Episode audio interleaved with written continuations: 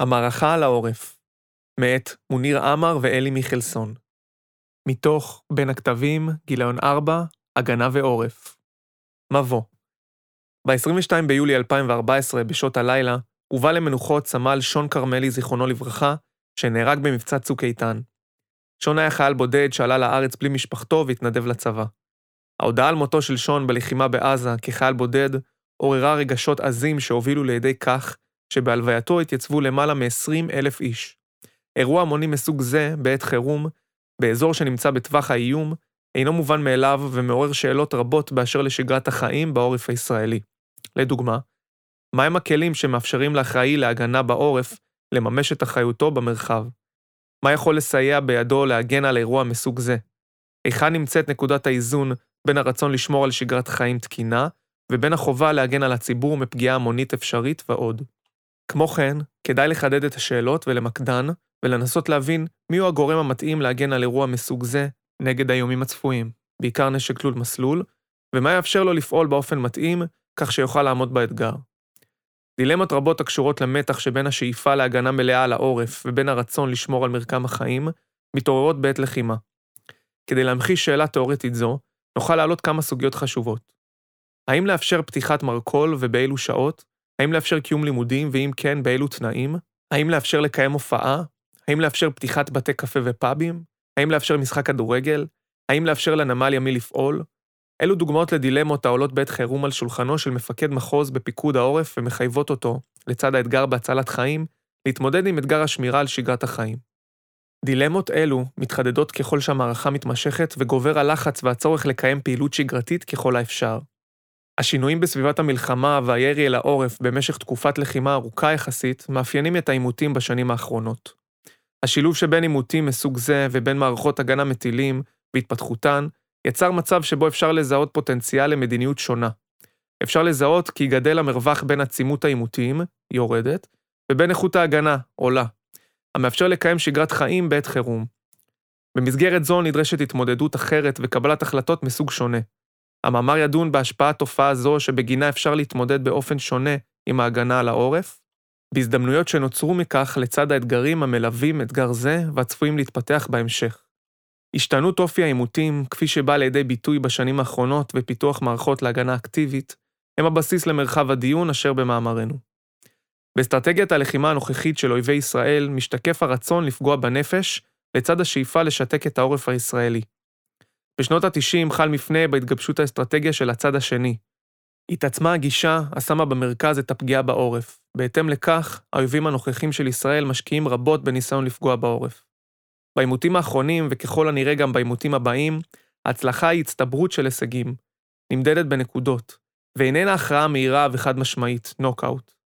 על כן, מתחדד הצורך בהצלחה בכמה מישורים בו זמנית, שבהם יש התכתשות ישירה ועקיפה, בחזית הלחימה במגע עם האויב, בעורף, בתקשורת, בסייבר ועוד. בלחימה בעורף גובר הצורך במניעת נפגעים לצד המשך חיי השגרה ותפקוד המערכות הלאומיות והאזרחיות באופן הדומה לתפקודן הרגיל ככל האפשר. אף על פי שברור לנו כי חשוב שהעורף יתמודד בהצלחה עם משבר בעת עימות, אין הגדרות ברורות ומדדים מוגדרים לכך. אפשר למצוא הגדרות ליעדי מערך העורף שעיקרן תמיכה במאמץ המלחמתי, הענקת מרחב תמרון למקבלי החלטות והצלת חיים. אין ביעדים אלו בלבד כדי להבהיר באופן חד וברור מהי הצלחה. לדוגמה, אפשר לראות ערך רב בפעילות המשק הישראלי בעת חירום. הנזק למשק הישראלי בעת עימות יכול להימדד בכמה היבטים, כגון אובדן התוצר בשל ירידה בתפוקה, היעדרות מן העבודה של משרתים במילואים, הישארות הורים עם ילדיהם, ירידה בפריון העבודה, סגירת עסקים, ירידה בביקושים, תיירות פנים וחוץ, שירותי אוכל ובידור, נזק לתשתיות ולמבנים ועוד. לצד הנזקים הכלכליים שבאים לידי ביטוי עקב פגיעת רקטות וטילים ברכוש ובנפש, יש לראות את התועלות הגבוהות שבהמשך התנהלות המשק, בלי להשביתו, כבעלות ערך רב להצלחה במערכה. לנרטיב הציבורי הרחב ולביטחון הלאומי בכלל.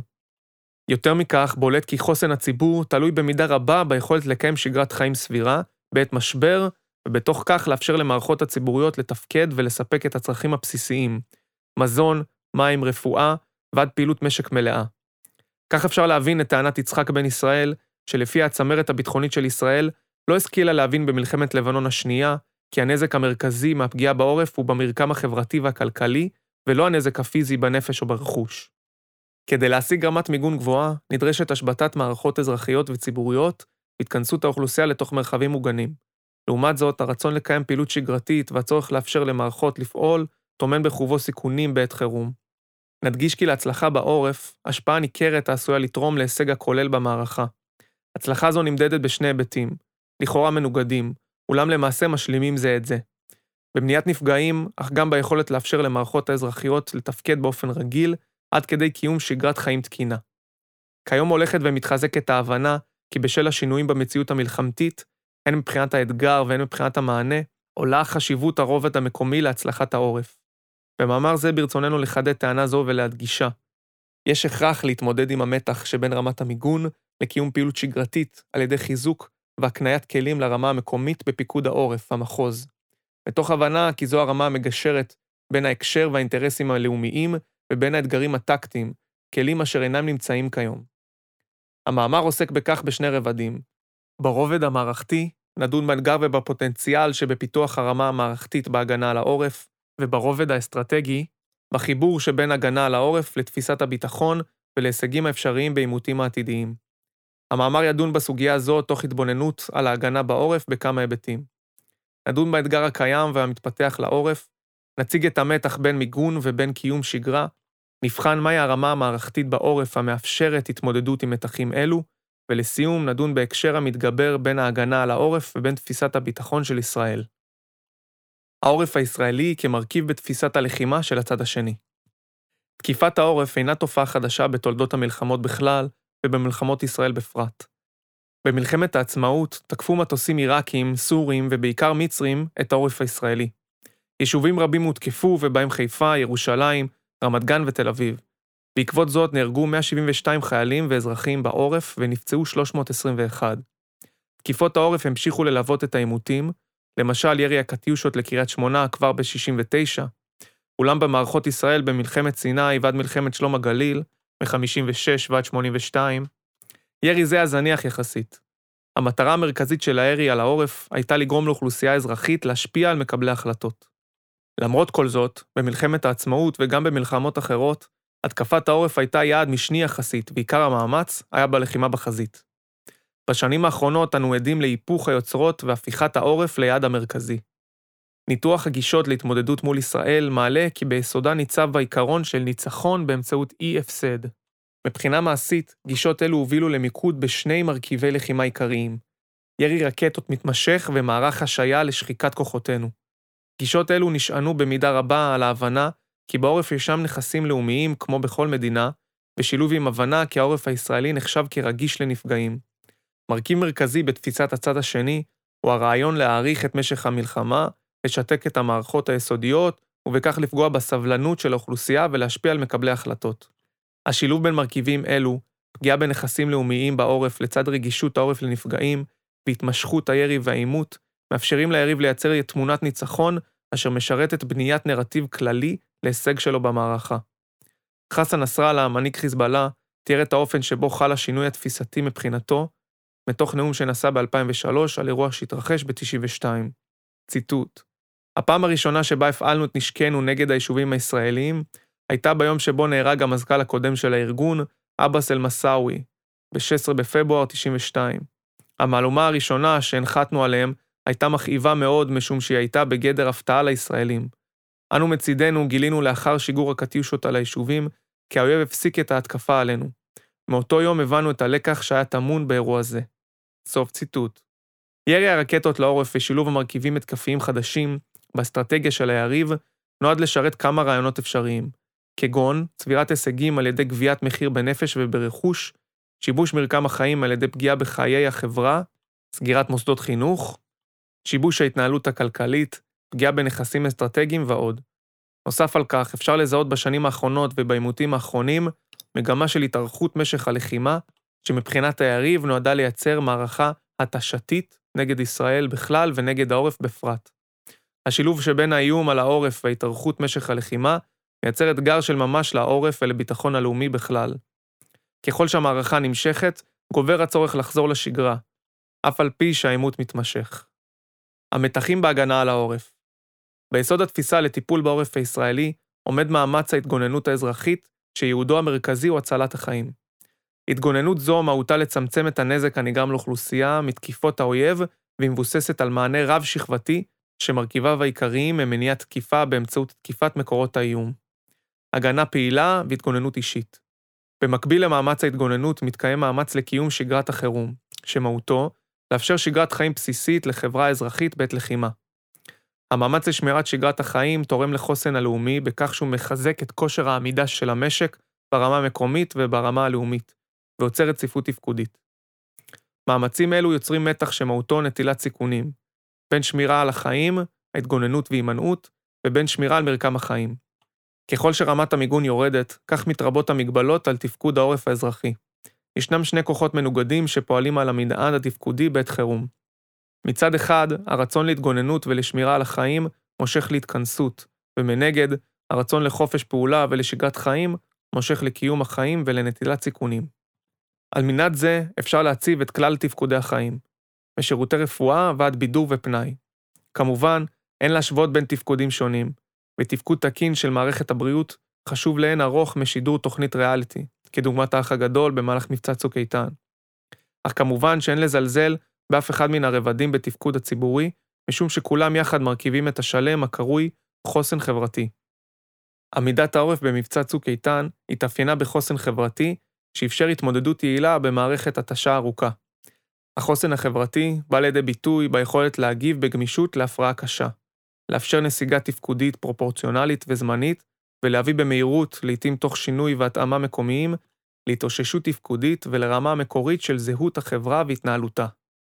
מול הירי לעורף פותחו מערכות הגנה פעילות שמצמצמות את הפגיעה בעורף ומחריפות את המתח בשל יכולתן לצמצם את הסבירות לפגיעה בעורף.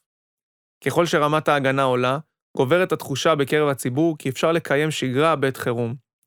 מערכות הגנה אכן מצמצמות את הסיכון ובכך מגבירות את הצורך לאפשר פעילות שגרתית ומאפשרות ליטול סיכונים. מערכות הגנה אלו, שכאמור, משמשות שכבת הגנה במאמץ להצלת חיים, משפיעות על התודעה של מקבלי החלטות והציבור בשני הצדדים. השפעתן של מערכות ההגנה היא בהגדלת מרחב הפעולה והסיכונים שאפשר להסתכן בהם, באופן שמאפשר לקיים שגרת חיים ופעילות אזרחית, ולא רק כזו שהכרחית בעת לחימה. בעימותים מתמשכים שעיקרם התשה, עולה מורכבות בהיבט קבלת ההחלטות ונוצר מרחב ובו הדילמה בין שמירת החיים לקיום מרקם החיים. אפשר לזהות כי ככל שהעימות הולך ומתמשך, ובד בבד רמת ההגנה על העורף עולה, גובר המתח שבין המאמץ להצלת חיים ובין המאמץ לקיום שגרה. וכך מתעצם הצורך בהתמודדות עם דילמות מסוג חדש יחסית, שבגינן יש לקבל החלטות שיתרמו להצלחה בשני היבטים אלו. מתוך הבנת אינטרס וההקשר הלאומי, לצד הבנת האתגר הטקטי שבהגנה מסוג זה. המתח שבין ההתגוננות לקידום מרקם החיים מאפשר לצאת מתוך המסגרת של ההתגוננות, שהיא בעיקר חד-ערכית, ולכאורה אין בה דילמה, ולעבור לדון במרחב שבו אפשר לקיים מרקם חיים. דיון מהסוג האחרון מחייב להבין את ההקשר הרחב, את רצון האויב, את רצוננו שלנו ואת הנסיבות, ומה יתרום לחוסן הלאומי, וכנגזרת מכך, יוביל לחופש פעולה ולקידום האינטרסים שלנו, לצד התאמה לצרכים ולאתגרים המקומיים, על כך נדוד בהמשך. הרמה המערכתית בהגנה על העורף.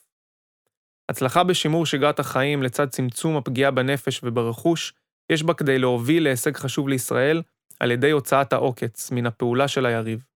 מבצע צוק איתן, שארך כ-50 יום, הביא לידי ביטוי, לצד כל ההסתייגויות והמגבלות, הצלחה בהגנה על העורף שמשמעותה האסטרטגית הייתה עקירת המרכיב המרכזי באסטרטגיה של היריב, הפגיעה בעורף. ברור כי למערכות ההגנה הפעילות יש חלק מרכזי בהישג זה. אולם הישג מרשים זה איננו חזות הכל. לצד ההתגוננות, היכולת לתפקד בחירום ולקיים פעילות שגרתית היא גורם מרכזי נוסף שיש לתת עליו את הדעת. בעימות שבו ההישגים הם מצטברים, נקודות, ולא חד משמעיים, נוקאוט, צמצום הישגי האויב הוא בעל ערך רב. מניעת הפגיעה בעורף הוא מוטיב אחד חשוב, אולם הוא איננו עומד לבדו. מניעת שיבוש מרקם החיים הוא המוטיב המשלים. היכולת להמשיך ולקיים שגרת חיים סבירה יחסית היא מכפיל כוח של ממש, המאפשר לזכות בנקודות נוספות בסוג כזה של מערכה. חשוב עוד לזכור כי למעשה כישלון בעורף, הן בנפגעים רבים והן בחוסר תפקוד, יוביל לכך שהמערכה כולה תיחשב לכישלון, גם אם המאמץ בחזית יצליח. היכולת לקיים שגרת חיים סבירה יחסית, כפי שבאה לידי ביטוי במבצע צוק איתן, התבססה על הגדרת מדיניות התגוננות דיפרנציאלית, מובחנת ומותאמת לאיום, על תרגול נוהלי התגוננות ויישומם, על הגדלת מספר מרחבי התראה, ועל שיפור יכולת ההתראה באמצעים נוספים, כגון סלולר.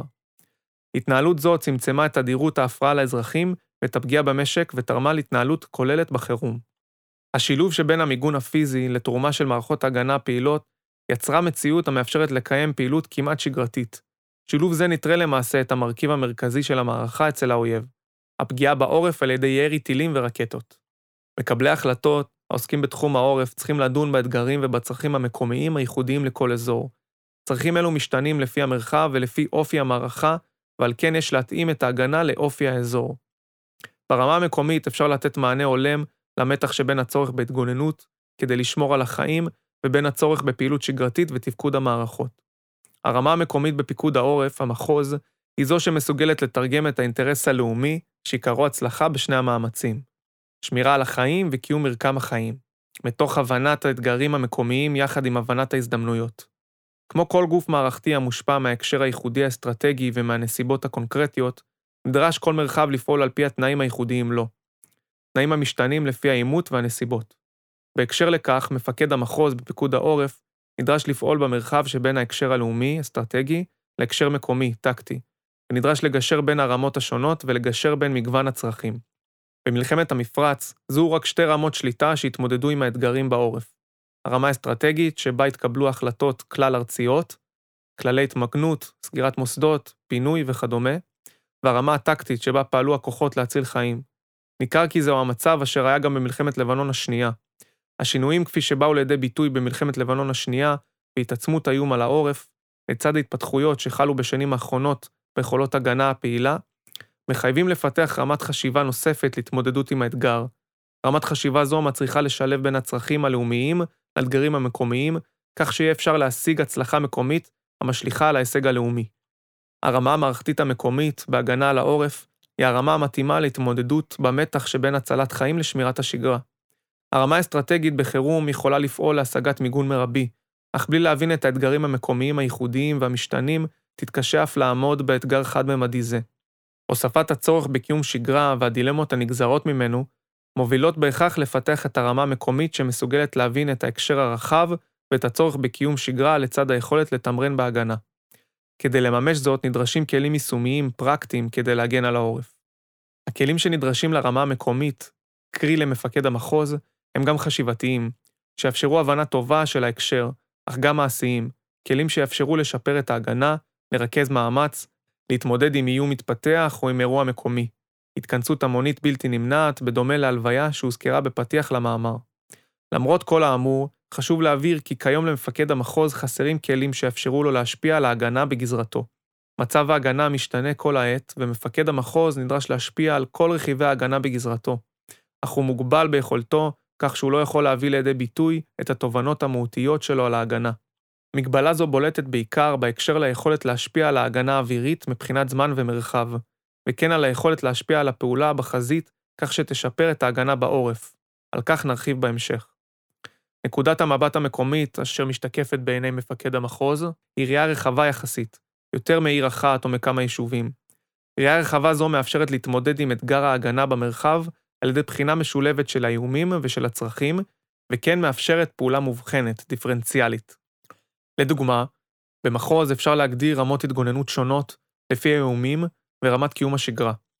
המחוז מסוגל לנתח את ההגנה בגזרתו לא כמסגרת אחת שלמה, אלא הוא מפרק אותה לכל מיני אזורים בהיבט רמת ההתגוננות, ויכול להתאים להם רמת מיגון הולמת.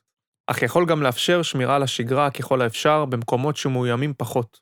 במחוז אפשר לנתח את האיום הקונקרטי על כל מרחב, לצד היכרות עם מורכבות האוכלוסייה ורמת המיגון העומד לרשותה, עוצמת הרשות המקומית ומנהיגיה, ועוד מרכיבים אחרים. ניתוח זה מתאפשר מתוך היכרות אישית עמוקה, רשמית ולא רשמית, עם המרחב שעליו מופקד מפקד המחוז.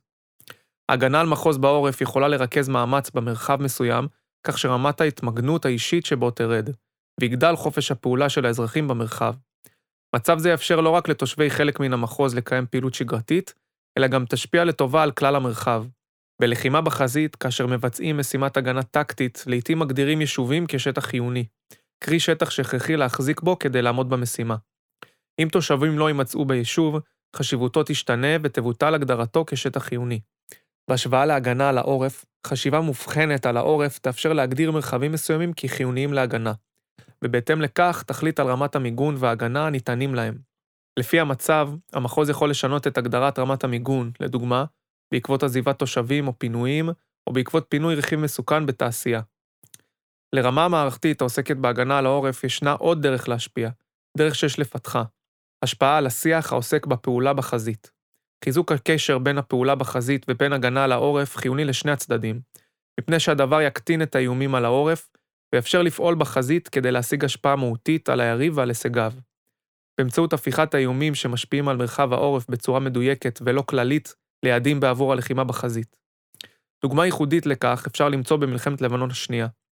עת הפעילה אוגדת הגליל בפיקודו של גל הירש את יחידת מגלן להתמודדות עם הירי מכיוון צור לעבר הגליל המערבי כדי לשתק אותו. בפעילות זו הצליחה היחידה לפגוע בכ-70 מטרות של חיזבאללה. ההגנה על העורף ותרומתה להישג הכולל בעימות. בחלק זה של המאמר נדון בעוד זווית של הנושא. ניתן כי ההצלחה להגן על העורף, גם במניעת פגיעה וגם באמצעות המשך שגרת חיים, תורמת באופן ישיר להשגת הישגים בעימות, ועל כן יש לשלב את נושא ההתגוננות בכלל ואת ההתגוננות על העורף בפרט בדיונים ובשיח על עיצוב תפיסת הביטחון. האירועים בעורף במלחמת העצמאות, ובעיקר ההפצצות על תל אביב, השפיעו על אבי תפיסת הביטחון הישראלית, דוד בן גוריון. בן גוריון חשש כי התקפות על העורף, שאליהן נחשף באופן אישי, יובילו לנטישת יישובים וראה בכך סכנה עצומה. הבעיות שראה לנגד עיניו היו קשורות לחוסן הלאומי, החברתי והאישי, והפתרונות שהעלה לא היו בהכרח רק צבאיים, אלא גם חברתיים וכלכליים, באופן דומה למרכיבים אחרים בתפיסתו. בראייתו של בן גוריון, הנזק הפיזי לעורף, בנפש וברכוש, הוא לא העיקר ואין בו כדי להכריע את ישראל. הנזק העיקרי הוא הנזק האגבי לכלכלה ולמורל. בהתפתחות תפיסת הביטחון לאורך השנים, ובהתאם לרלוונטיות שלה בעימותים השונים, ממלחמת סיני ועד מלחמת שלום הגליל, ניכר כי ההגנה על העורף לא הייתה מרכזית בתפיסה ובעיסוק הכולל בביטחון. למעשה, עד שנות ה-90 של המאה הקודמת, נפגע העורף רק בהיקפים מצומצמים ביותר, ושימש למטרה משנית בלבד. אך בעקבות מלחמת המפרץ הראשונה, בה הותקף העורף והאיום התעצם, הוקם פיקוד העורף, ב-92.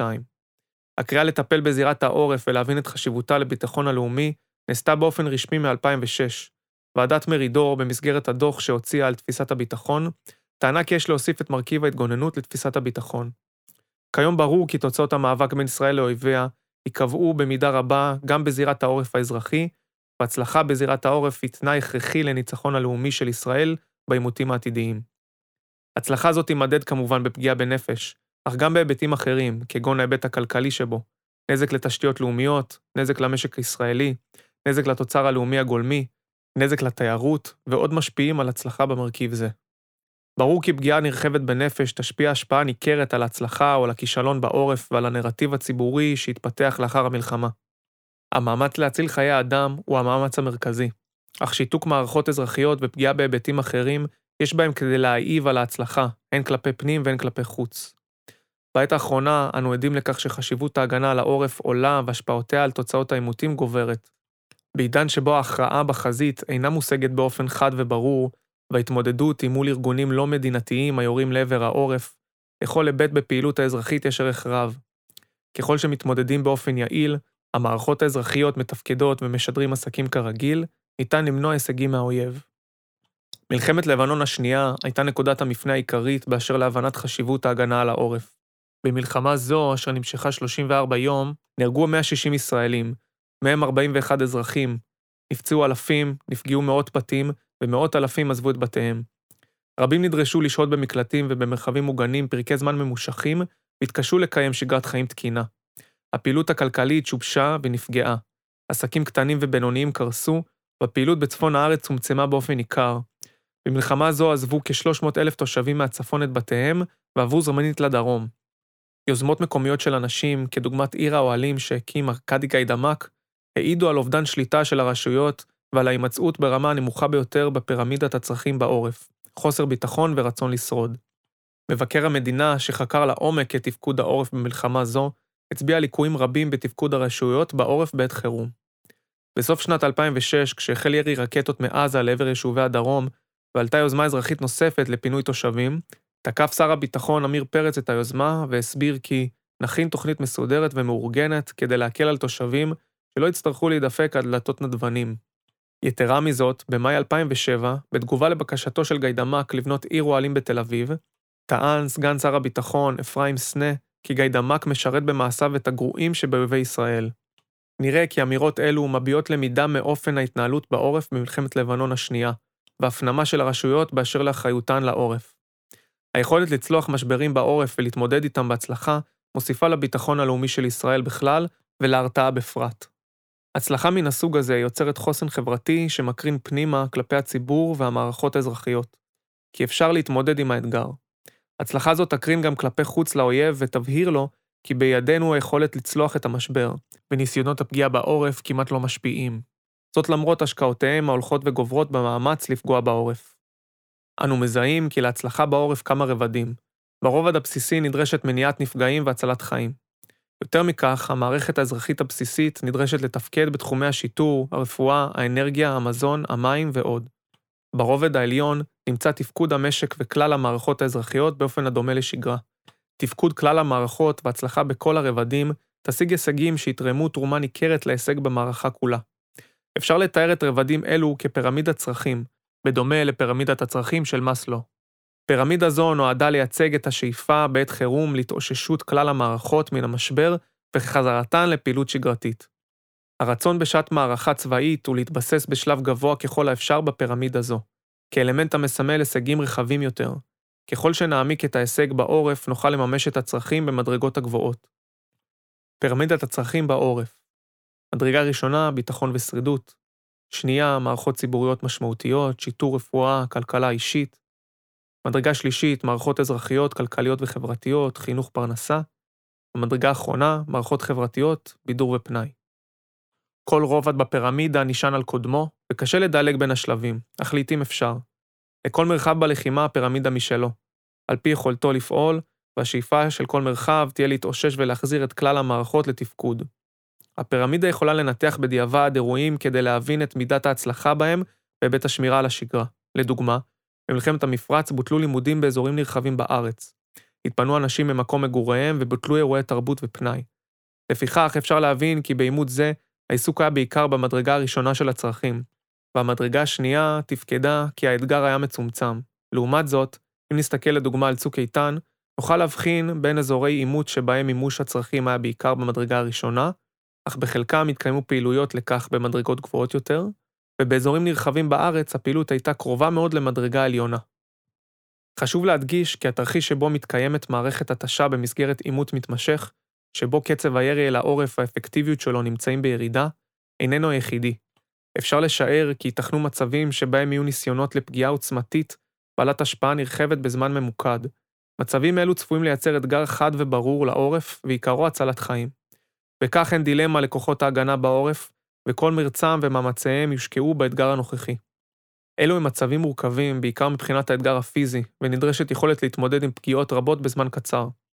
ההתמודדות במצבים אלו דומה במידה רבה להתמודדות עם אסון טבע, סופת שלגים או שרפות ענק, אשר גם בהם ההתמודדות היא בעיקרה פיזית מול האתגר הנוכחי, לחלץ נפגעים, לשמור על דרכי חילוץ ועוד. בעת אתגר לאומי מסוג זה, איום קיומי או איום גדול אחר, איתנות העורף הישראלי, הנשענת על התגייסות כללית, לכידות השורות וצדקת הדרך, בא לידי ביטוי באופן בולט וראוי להערכה. סיכום ומבט אל העתיד. בשל השתנות המלחמות, ממלחמות כוללות למלחמות מוגבלות בהיקף מצומצם של כוחות, ממלחמות הכרעה למלחמות התשה ארוכות, משתנה חשיבותו של העורף. כיום, בשל אופי המלחמות והפיכת העורף ליד מרכזי של אויבינו, ההגנה על העורף נדרשת להציל חיים, ובד בבד מאפשרת למערכת האזרחית לפעול ברבדים השונים שלה, חברתית, כלכלית ועוד. תפקוד המערכת האזרחית על כלל רבדיה, באופן שמאפשר פעילות שגרתית, הוא הישג חשוב למערכה על ידי כך שמעקר את תכלית הפעולה של אויבינו.